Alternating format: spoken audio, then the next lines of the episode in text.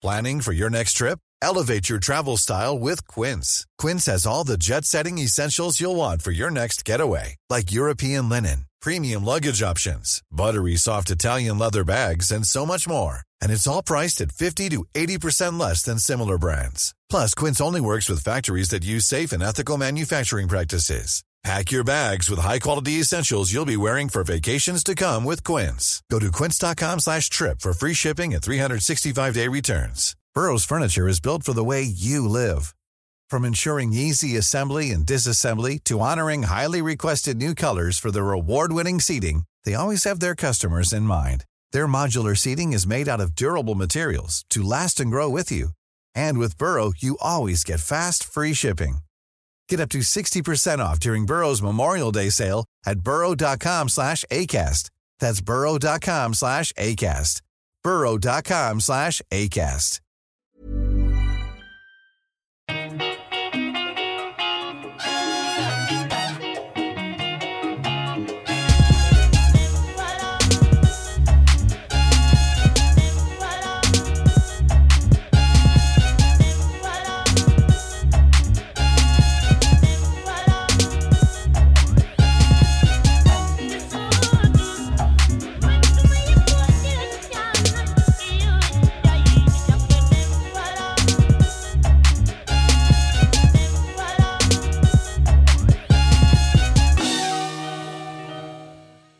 Du lyssnar på Svart historia med mig, Amat Levin. Kolla gärna in patreon.com svarthistoria där ni kan bli prenumeranter och på så sätt få tillgång till kartor och bilder som hör till avsnitten, reklamfria avsnitt och hela bonusepisoder. Ni får också jättegärna rekommendera den här podden för någon eller ge den ett betyg på poddappen som ni lyssnar på. Det här är den andra säsongens tredje huvudavsnitt och i den här episoden ska vi titta på vad som var en kritisk tid. Inte bara för Afrika utan för Europa och framväxten av den värld vi lever i idag. Det kommande avsnittet handlar om tiden efter det traumatiska transatlantiska slaveriet. En tid som övergick i den förkrossande kolonialismen. Vi ska titta på hur de här två perioderna gled in i varandra och vad det fick för konsekvenser. Det här avsnittet fokuserar på de regioner som var drabbade av det transatlantiska slaveriet. Skillnaderna mellan Väst och Östafrika är därför stora här. För samtidigt som det transatlantiska slaveriet var på väg mot sitt slut i väst gick den afrikanska slavhandeln i den muslimska världen i öst in i sin verkliga guldålder. Men mer om det i ett annat avsnitt. Den här episoden börjar under en tid då slaveri är en central del i stora delar av världens ekonomier. Men där nya synsätt, idéer och uppfinningar snart bereder vägen för en föränderlig, instabil och destruktiv tid.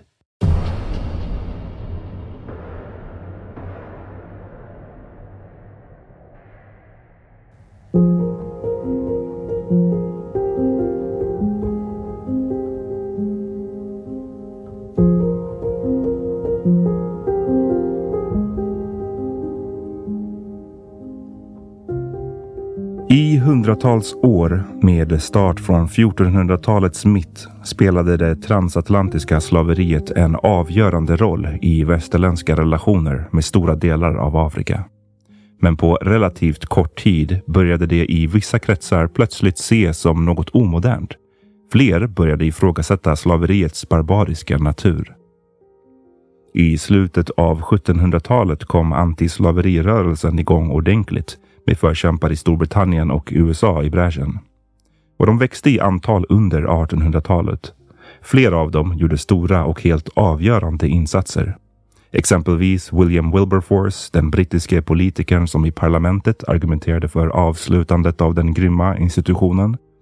Eller den visionära Lucretia Mott som inte bara stred för jämlikhet mellan kön utan för alla människors rätt till att vara fria. Eller Frederick Douglass som utgick från hans egen erfarenhet som förslavad och öppnade ögon över hela världen.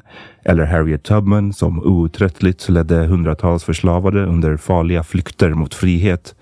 Eller John Brown, en vit amerikan som trodde på att använda våld för att befria de förslavade och som skakade om samhället med sina upplopp och uppror. eller Sojourner Truth, Benjamin Lay och Olauda Equiano som jag berättade om i förra säsongen. Det avsnittet heter Transatlantiska slavhandeln del 2 och där kan ni höra mer om hans monumentala vittnesmål om lidandet de förslavade utsattes för. Som ni hör, listan på viktiga abolitionister kan göras hur lång som helst.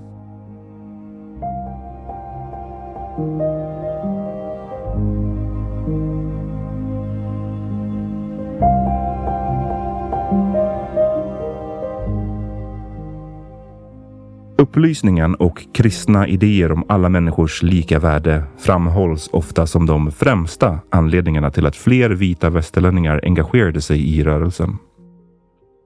Och det är definitivt en komponent. Men det fanns en mängd andra faktorer som spelade in.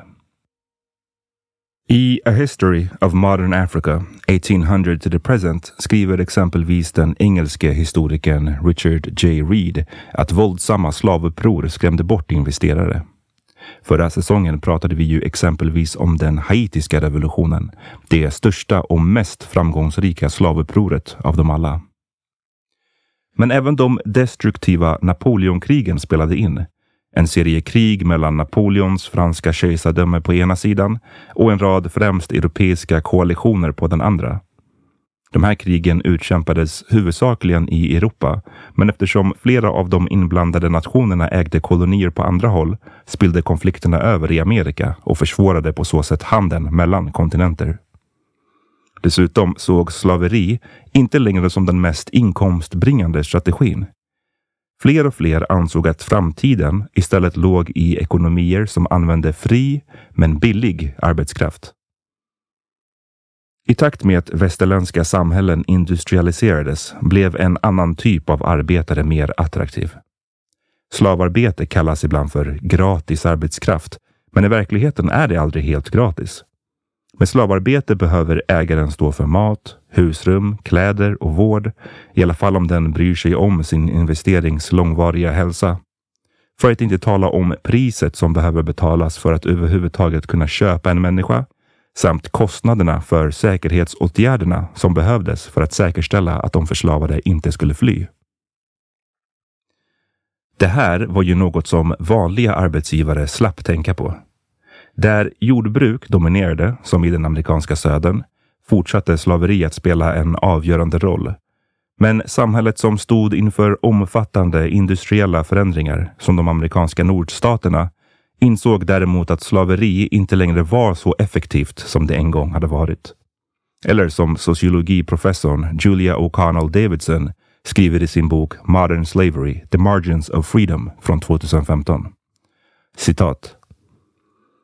I slutändan är lönearbetare billigare än slavarbetare.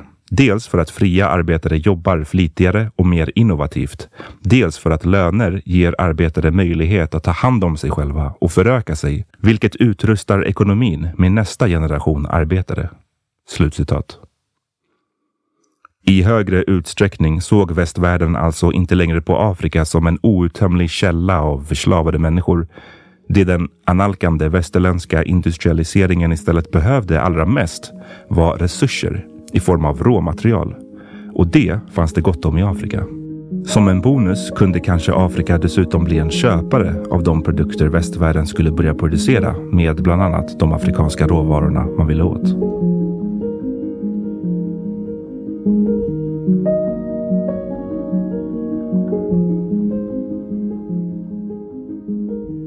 Rörelsen för avskaffandet av slaveriet tog ytterligare fart i början på 1800-talet. I regel skilde man dock på själva handeln och slaveri som praktik. Och i många länder var det handeln som förbjöds först medan praktiken avskaffades flera år, ofta decennier senare. Till exempel förbjöd Danmark handeln redan 1803, men slaveriet pågick i danska Västindien ända till 1848. Sverige följde upp 1813 års handelsförbud med att köpa loss de sista slavarna på St. Barthélemy först 1847.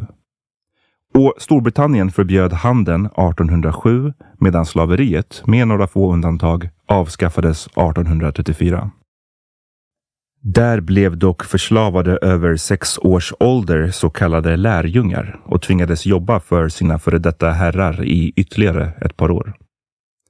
Den sortens övergångsfaser var vanliga efter slaveriets avskaffande. Inte bara hos britterna utan även hos fransmännen och boerna. De drabbade kallades inte längre slavar utan gick under andra namn, men i praktiken utsattes de fortfarande för tvångsarbete.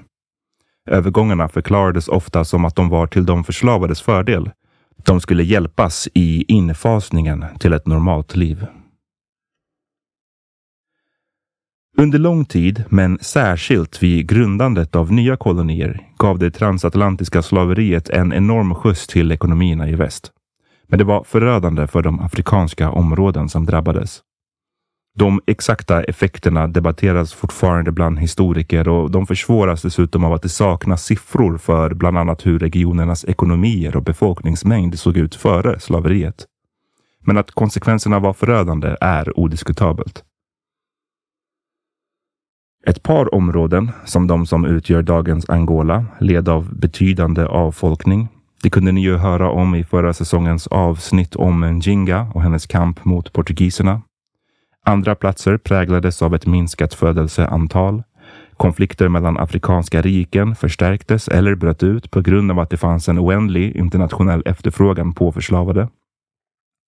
Vissa afrikanska kungadömen som var inblandade i slavhandeln förklarade krig mot svagare grannar för chansen att sälja dess invånare. Och introducerandet av europeiska skjutvapen blev ytterligare ett incitament till att bli del av slavindustrin. För om ett samhälle saknade skjutvapen, men låg inom räckhåll för ett kungadöme som hade tillgång till dem, kunde man bli en måltavla. I en sån situation bedömde vissa ledare att det bästa försvaret var att attackera ett tredje folk, sälja dem och genom det få tillgång till skjutvapnen som behövdes för att skydda sina egna gränser. På så sätt skapades ständigt nya konflikter. Självklart fanns det också gott om afrikanska kungar och samhällen som handlade med förslavade, inte som ett försvar, utan som ett sätt att berika sig själva. Till skillnad från tiden före slavhandeln rådde nu också vittgående teknologisk ojämlikhet mellan subsahariska riken och västerländska stater. För generellt såg de väst och centralafrikanska rikena inte skymten av någon ekonomisk utveckling under slaveriet. Trots att somliga afrikanska kungadömen och samhällen var högst involverade i människohandeln hamnade rikedomarna som genererades hos en liten elit. Vanligt folk gagnades i regel inte. Den här eliten hade ibland blivit så van vid slaveriets intäkter, de hade byggt stora delar av sin rikedom och makt på just slavexporten, att de till och med motsatte sig avskaffandet. Ett exempel var Geso, kung av Dahomey, ett kungadöme i det som idag är Benin. Han hade kommit till makten år 1818 genom att knipa tronen med stöd av en brasiliansk slavhandlare. Pressad av britterna att ge upp slavhandeln på 1840-talet uppges han ha sagt att han var beredd att gå med på vilket krav de än hade, förutom att ge upp slavhandeln. Den hade blivit en för avgörande del av kungahusets rikedom. Självklart fanns det dock desto fler afrikanska samhällen som välkomnade slavförbuden.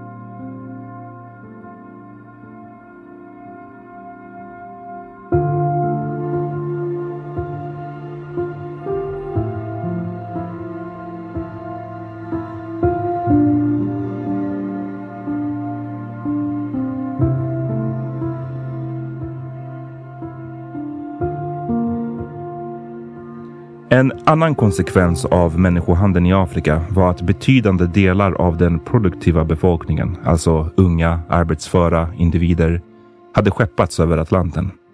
Där, på andra sidan, bidrog de till produktionen i mottagarländer som USA, Brasilien och Jamaica genom sitt slavarbete. Men den produktionen gick ju ursprungsländerna miste om. Trots att fler och fler länder införde förbud under 1800-talet fortsatte slavhandeln illegalt. Smugglandet motarbetades av bland annat Västafrikanska skvadronen, en del av Storbritanniens kungliga flotta, som hade i uppdrag att patrullera Afrikas västra kust. På det stora hela var det ett kostsamt projekt eftersom skeppen var för få för att effektivt kunna bevaka de stora distanserna. Men skvadronen tros ändå ha fritagit omkring 150 000 av de nästan 3,5 miljoner afrikanerna som skeppades över Atlanten på 1800-talet. Storbritannien satte även diplomatisk press på länderna som fortfarande var engagerade i handeln. Några gick med på kraven. Andra motsatte sig dem öppet eller lovade att stoppa transporterna, men lät dem fortgå i hemlighet. Den här delen av det brittiska arvet kopplat till slaveriet är något som vissa grupper gärna vill fokusera på.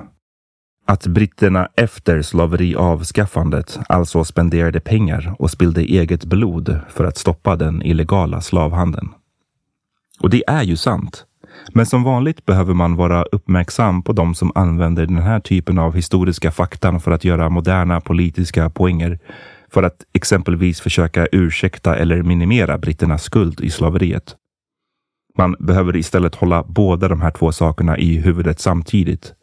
Att britterna på 1800-talet gjorde mycket för att förhindra det fortsatta slaveriet, men att de dessförinnan, efter Portugal, varit det land som handlat med flest förslavade över Atlanten. Ett exempel på den diplomatiska press som britterna utövade över andra länder hittas i 1839 års utgåva av den brittiska slaverimotståndaren Thomas Clarksons bok. Den heter The History of the Rise, Progress and Accomplishment of the Abolition of the Slave Trade by the British Parliament. I den boken beskriver Clarkson att antislaverikommittén han ingick i gav den svenske forskaren och abolitionisten Anders Sparman i uppdrag att förse den svenska kungen, Gustav III, med en samling brittiska böcker om slaveriet. Ambitionen var att övertyga den svenska kungen om att förhindra svenskar från att delta i handeln. Enligt Clarkson svarade kungen att han hade ärvt St. Bartholomew och att ön redan var bebodd av afrikanska slavar. Så mycket är sant. När Sverige tog över ön från fransmännen på 1700-talet var slavhandeln redan etablerad där. Men kungen sa också att han var medveten om de förslavades hårda situation, men att inga svenskar, så vitt han visste, var inblandade i handeln. Han lovade att även i fortsättningen göra allt i sin makt för att svenska handelsmän skulle hålla sig borta. Problemet med korrespondensen var att den svenska kungen visst var medveten om Sveriges inblandning.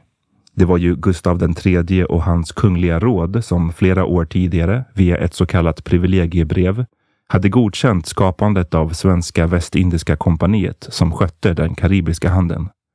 I det brevet fastslogs att handel med förslavade var tillåtet. Gustav III var dessutom aktieägare i kompaniet.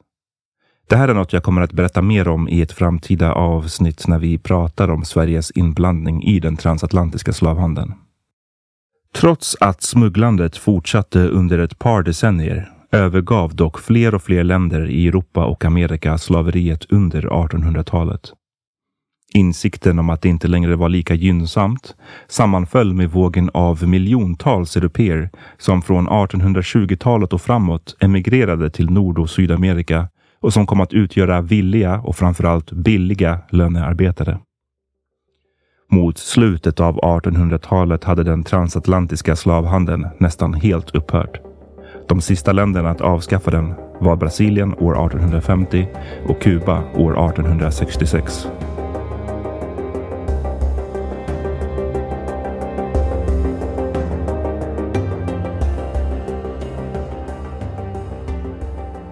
För att ersätta intäkterna från slaveriet började man i väst prata om legitim handel. Istället för människor skulle nu produkter som gummi, palmolja, elfenben, koppar, jordnötter och bivax i högre grad utvinnas och exporteras från Afrika. Det här var ingen plötslig förändring utan det här var ett tankesätt som växte fram gradvis under 1800-talet. För att göra den legitima handeln möjlig behövde dock kontinenten öppnas upp för västerlänningar. En artikel publicerad i Göteborgs-Posten i juni 1878 avslöjar lite om hur de dåtida tankegångarna gick. Det står bland annat att citat. Större nationer börjat arbeta med den okände världsdelens öppnande. Slutcitat. Det står att Kongoflodens mynning var nyckeln till att ta sig in i det afrikanska fastlandet. Artikeln hänvisar till en europeisk utforskare i området som kommit med rekommendationer för tillvägagångssättet. Artikeln är nästan 150 år gammal, så svenskan kommer att låta rätt ålderdomlig. Citat. Han uppmanar England, Portugal eller någon annan stark makt att som fort som möjligt taga trakten i besittning och ordna handelsrörelsen, såväl för den ofantliga vinst, vilken därvid måste uppstå, som och för att göra slut på handelsmännens strider och negrernas skändligheter vid den nedre delen av floden. Slutcitat. Vad syftet ansågs vara med det så kallade öppnandet av Afrika sammanfattas längre ner i artikeln. Citat. Besittningstagandet bör dock huvudsakligen ske för att behärska denna viktiga ingångsfart till den väg på vilken Centralafrika sannolikt kan mest direkt, fort och vidsträckt öppnas för forskningen och den legitima handeln samt därmed civilisationen. Ty detta är och måste bliva målet för kommande tiders strävan. Slutcitat. Notera här hur den legitima handeln och Europas närvaro kopplas ihop med en civilisering av Afrika att det beskrivs som ett nästan nobelt projekt.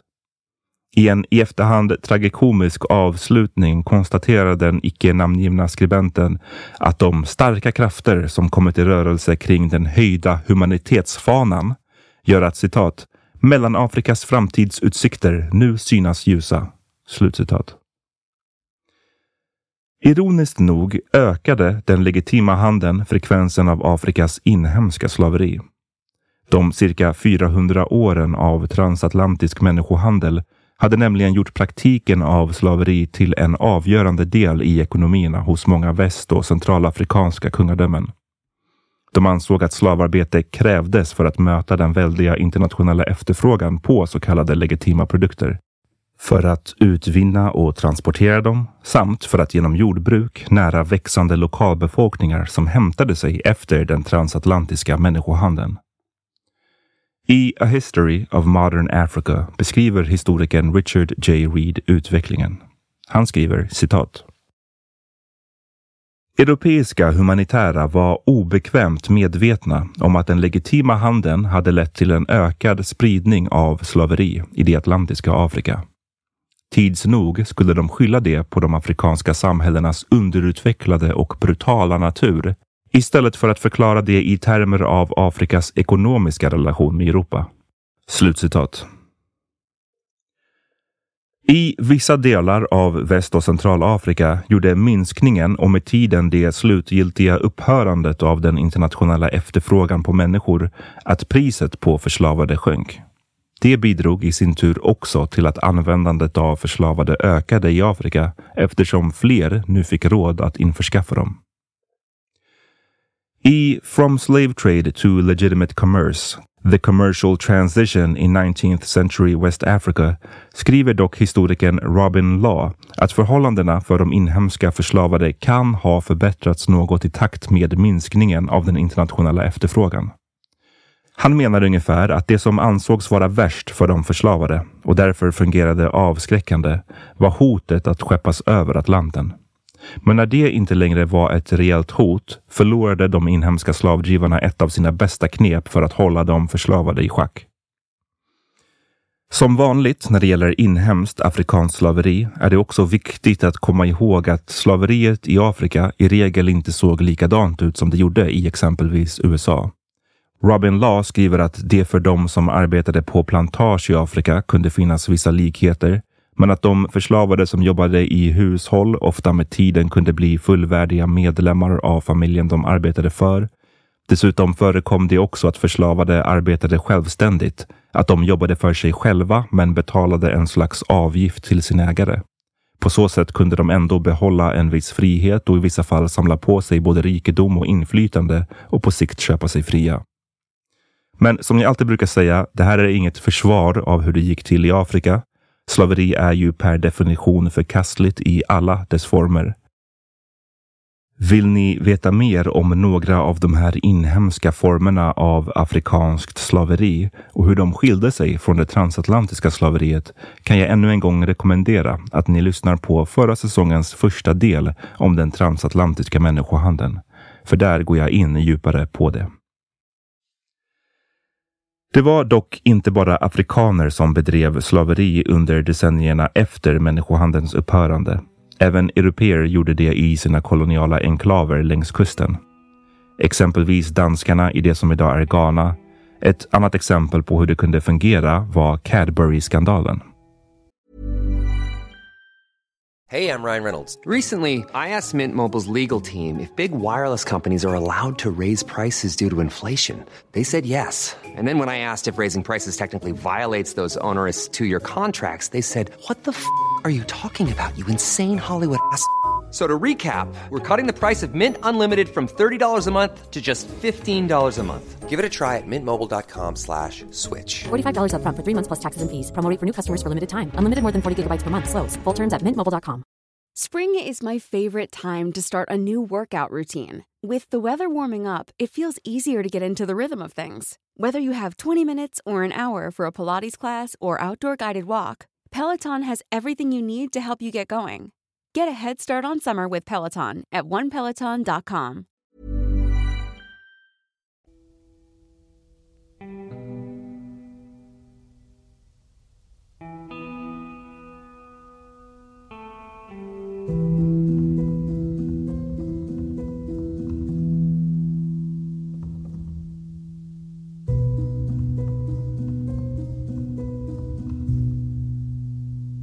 Cadbury är ett brittiskt företag som fortfarande finns kvar och som idag är ett av världens största godisföretag. Under 18 och början på 1900-talet fick Cadbury mer än hälften av sin kakao som användes i företagets berömda chokladprodukter från öarna Sao Tomé och Principe, portugisiska kolonier. Ända sedan 1850-talet hade önationen varit en stor exportör av kakao. Men under 1900-talets första par år avslöjades att kakaon utvanns av så kallade kontraktsarbetare. De var på pappret fria, men deras arbetsbörda och arbetsförhållanden gjorde dem i praktiken till slavar. Portugisiska företrädare köpte arbetarna i dagens Angola och skeppade dem till öarna där de tvingades skriva på femårskontrakt. Kontrakten förnyades sen, ofta utan arbetarnas tillåtelse. Lönen som de skulle få kunde betalas ut sent, i småsummor eller helt enkelt spenderas av arbetsgivarna. I The Hidden Costs of Labour on the Cocoa Plantations of Sao Tomé and Principe skriver William Gervais Clarence Smith, professor i ekonomisk historia, om en sång som arbetarna brukade sjunga. Citat. Refrängen som arbetarna sjöng summerade deras främsta klagomål. I Sao Tomé finns en dörr att komma in, men ingen att komma ut. Slutcitat. När skandalen avslöjades lovade de ansvariga på Sao Tomé och Principe reformer. Men de infördes halvhjärtat eller uteblev helt. År 1909 svarade Cadbury med att bojkotta kakao från Sao Tomé och Principe och istället köpa in den från Guldkusten, alltså nuvarande Ghana. 2021, i kölvattnet av Black Lives Matter-rörelsen, bad Barrow Cadbury Trust, en välgörenhetsorganisation startad av en medlem av Cadbury-familjen, om ursäkt för företagets inblandning i slaveriet på öarna. Den legitima handeln fick som ni märker stora konsekvenser i Väst och Centralafrika. Trots att den ökade frekvensen av det inhemska slaveriet var en annan funktion att fler invånare fick tillgång till intäkterna som genererades. Kungligheter eller politiska eliter som tack vare sin militära makt hade haft nära nog monopol på slavhandeln tvingades nu konkurrera om exportmarknaden med småproducenter, bönder och uppfinningsrika handelsmän. Några traditionella ledare stod emot trycket och behöll kontrollen över den nya legitima handeln, medan andra fick se sitt inflytande kraftigt försvagat. Vad som blev det historiker ibland har kallat för en anpassningens kris för vissa blev en möjlighet för andra. På vissa håll orsakade den här omritade maktbalansen oerhörd instabilitet. Eller som historikern Richard J. Reed skriver, citat. Sociopolitisk upplösning, till och med kollaps, följde i ett antal stater och samhällen allt eftersom 1800-talet fortskred. Slutcitat. Som vanligt påminner jag dock om faran eller kanske mer ineffektiviteten i att generalisera. De här mönstren utspelade sig såklart inte i alla väst och centralafrikanska samhällen. Det fanns de som förlitat sig på slavhandeln men som inte lyckades bli en del av den nya handeln. På samma sätt fanns det de som aldrig hade varit slavexportörer men som nu blev storspelare i den så kallade legitima handeln. På det stora hela kan vi ändå konstatera att den legitima handeln tog rot på många håll i Väst och Centralafrika under 1800-talet. Men för västvärlden uppstod snart ett nytt problem. För genom den nya handeln ansågs vissa subsahariska afrikanska stater, handelsmän och mellanhänder ha blivit för mäktiga. Man ansåg att de hade blivit för egensinniga och fått för mycket att säga till om. De satte sina priser för högt, bedrev handel på fel sätt och spelade inte efter reglerna som västerlänningar dikterade. Afrikanerna kunde upprätta skatter, tullar och monopol som inte främjade västerländska intressen. Konflikten förstärktes på 1870-talet och framåt i samband med den så kallade långa depressionen. En internationell ekonomisk kris som främst drabbade Nordamerika och Europa, men även fick konsekvenser i Afrika. Under krisen sjönk priserna på väst och centralafrikanska exportvaror och spårade ännu fler dispyter mellan afrikanska och västerländska handlare. Situationen fortsatte förvärras. Antingen ansågs afrikanska stater vara för kaotiska för att ordentlig handel skulle kunna ske. Eller så var de för strikta för att handeln i europeiska ögon skulle kunna räknas som fri. Oavsett scenario ansåg europeer att det som nu krävdes var ökad europeisk intervention. Uppfattningen stärktes av rasismen som trots slavhandelns upphörande fortfarande genomsyrade västerländska samhällen och under 1800-talets andra hälft cementerades ytterligare. Svarta afrikaner ansågs inte kapabla nog att själva civiliseras, att anamma kristendomen eller upphöra med krigandet sinsemellan. Man ansåg att de behövde europeisk guidning.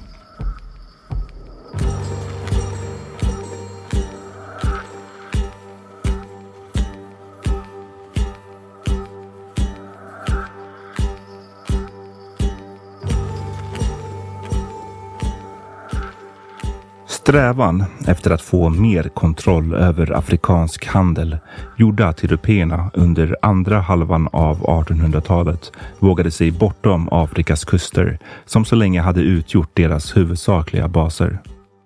Det här pratade vi om tidigare i säsongen, att européerna så länge hade varit koncentrerade vid sina kustenklaver.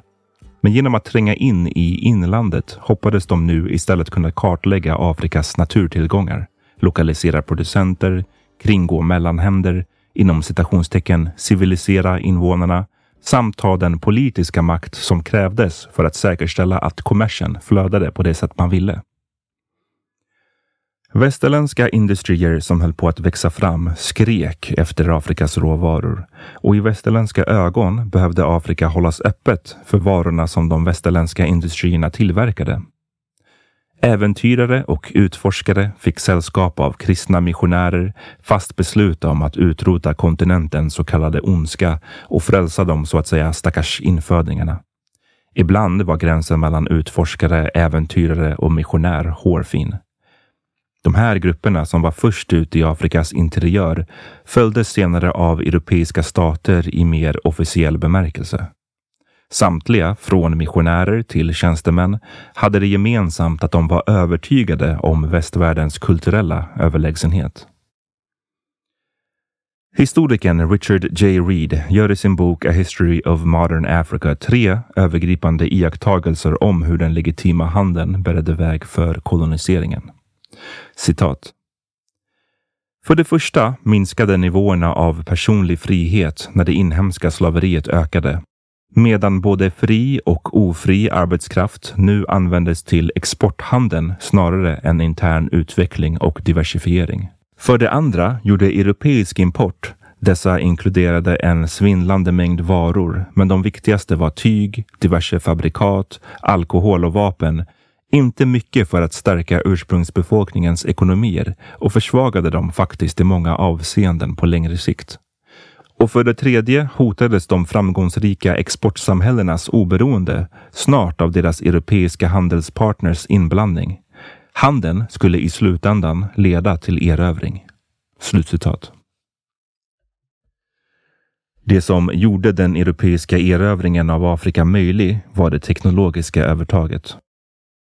Afrikanska samhällen försökte förhindra den här utvecklingen och gjorde naturligtvis motstånd, på vissa håll med framgång.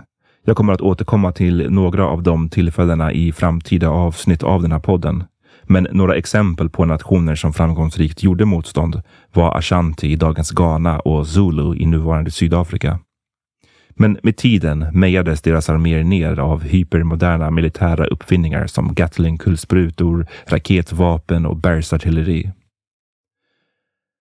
Som vi varit inne på tidigare i den här podden, idén om Afrika är ett förhållandevis nytt påhitt. Afrikanska samhällen såg det inte som att de kollektivt attackerades av en främmande makt. En sammanhållning grundad i någon slags afrikansk eller ännu mindre svart identitet fanns inte. Precis som i resten av världen fanns det i Afrika lokala rivaliteter mellan olika folk, samhällen och länder som ibland sträckte sig långt tillbaka. Och på flera håll hade europeiska nationer stor framgång med att utnyttja de här lokala afrikanska rivaliteterna för att positionera afrikanska riken mot varandra. Europeiska nationer kunde exempelvis först alliera sig med en sida för att ta ut den andra och sen helt enkelt vända sig emot det rike man nyss varit allierad med och lägga även det under sig. Dessutom hade västerlänningar nu fördel av diverse nymodigheter som ångbåtar, telegrafmaskiner och kinin. Ett ämne som används vid behandlingen av malaria och som visserligen inte var nytt, men som på mitten av 1800-talet började användas allt mer flitigt. Det sägs att brittiska soldater i tropikerna, både i Indien och i Västafrika, ofta drack tonic som ju innehåller kinin för att motverka malaria. Men för att slippa den bittra smaken av tonicen blandade de ofta i gin i glaset och vips var cocktailen gin and tonic född. Erövringen av Afrika ska inte ses som en sammanhållen koordinerad attack. Istället var det en serie attacker utförda av olika europeiska nationer frikopplade från varandra. Men när erövringen eller serien erövringar av Afrika väl påbörjades gick allt fruktansvärt snabbt. På 1870-talet var majoriteten av subsahariska Afrika fortfarande självständigt med några få undantag som exempelvis Portugals besittningar i dagens Angola och Mosambik, Frankrikes närvaro i Senegal samt europeiska kolonier i nuvarande Sydafrika. Men ett par decennier senare låg hela kontinenten i europeiska händer. De enda undantagen var Etiopien och Liberia.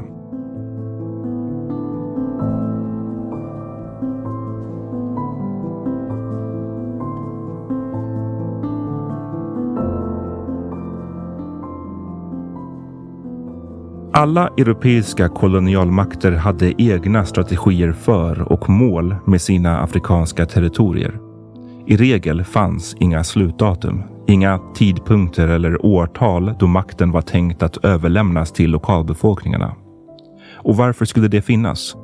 Europeiska nationer var ju övertygade om att kolonialismen inte bara gagnade dem själva utan också den afrikanska befolkningen. 1922 års The Dual Mandate in British Tropical Africa av den brittiske militären Frederick Lugard är ett bra exempel på det dåtida synsättet. Han var hjärnan bakom den brittiska strategin med så kallat indirekt styre.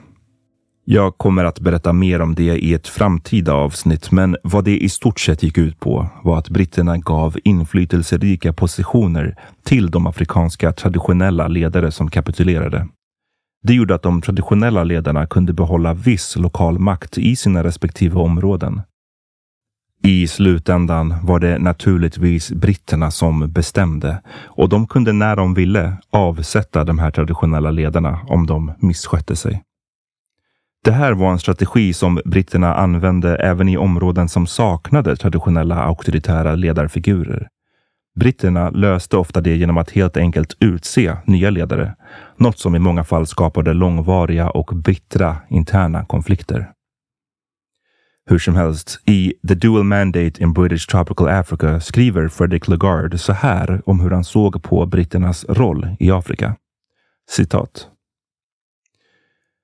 Genom tågräls och vägar, genom kultivering av träskmarker och irrigation av öknar och genom ett system av fri handel och konkurrens och hejdad svält och sjukdom. Vi har satt stopp för det hemska eländet som är slavhandeln och stamkrig, för människooffer och persen som är häxdoktorerna. Där dessa saker har överlevt är de ordentligt undertryckta. Vi strävar efter att lära de infödda raserna att sköta sina angelägenheter med rättvisa och humanitet och att utbilda dem både i det skrivna ordet och i industrin. Slutcitat. I Lugards tycke följde Storbritannien i romarrikets fotspår. Riket som, enligt honom, en gång i tiden ledde vilda barbarer in på framstegens väg. Han skriver citat. I dagens Afrika återbetalar vi skulden och för kulturens och utvecklingens fackla till världens mörka hörn, barbarismens och grymheternas hemvist, samtidigt som vi ser till vår egen civilisations materiella behov. Slutcitat. Återigen, här är det alltså ännu ett exempel på hur den europeiska jakten på råvaror och materiell vinst kopplas ihop med något ädelt. Man ansåg att man gödde sina ekonomier samtidigt som man räddade afrikanerna från dem själva. Vid tillfällen återlämning av makten ens kom på tal var det framtida scenarion som hägrade långt bortom en påhittad horisont. Först när lokalbefolkningarna var redo och självklart enligt parametrar definierade av kolonialmakterna själva kunde en sån fråga tas på allvar. När vi nu tittar tillbaka kan vi identifiera andra världskriget som den kanske största vändpunkten för det här synsättet. I ett framtida avsnitt kan vi prata mer på djupet om det, men det som vände utvecklingen var en kombination av saker som nya internationella regler om självbestämmande och en ny maktbalans. Nationerna som koloniserat Afrika var kraftigt försvagade efter kriget samtidigt som USA och Sovjetunionen seglade upp som nya supermakter. Dessutom tjänade mängder av afrikaner i de allierade styrkor under kriget och de var ännu mer måna om att få sin frihet när de återvände efter stridigheterna. Exakt hur Afrika koloniserades skilde sig naturligtvis från plats till plats. På vissa håll, som när britterna ställdes mot Zuluriket i dagens Sydafrika, krävdes kostsamma och blodiga krig innan européerna kunde lägga landet under sig. På andra håll gick koloniseringen betydligt enklare. Men jag hoppas att ni i det här avsnittet har fått en bra grund och en bättre bild av hur koloniseringen i stora drag gick till. Vad det var som drev fram den och hur den kan kopplas till den transatlantiska människohandelns slut. Under den här poddens gång kommer jag överlag att återvända till den här perioden flera gånger, men zooma in och gå in mer på detaljnivå på några specifika exempel. Om två veckor när jag är tillbaka med ett nytt huvudavsnitt handlar det om en händelse som var av väldigt stor betydelse för den här perioden av kolonisering, men som samtidigt är väldigt missförstådd. Berlinkonferensen. Vi hörs då.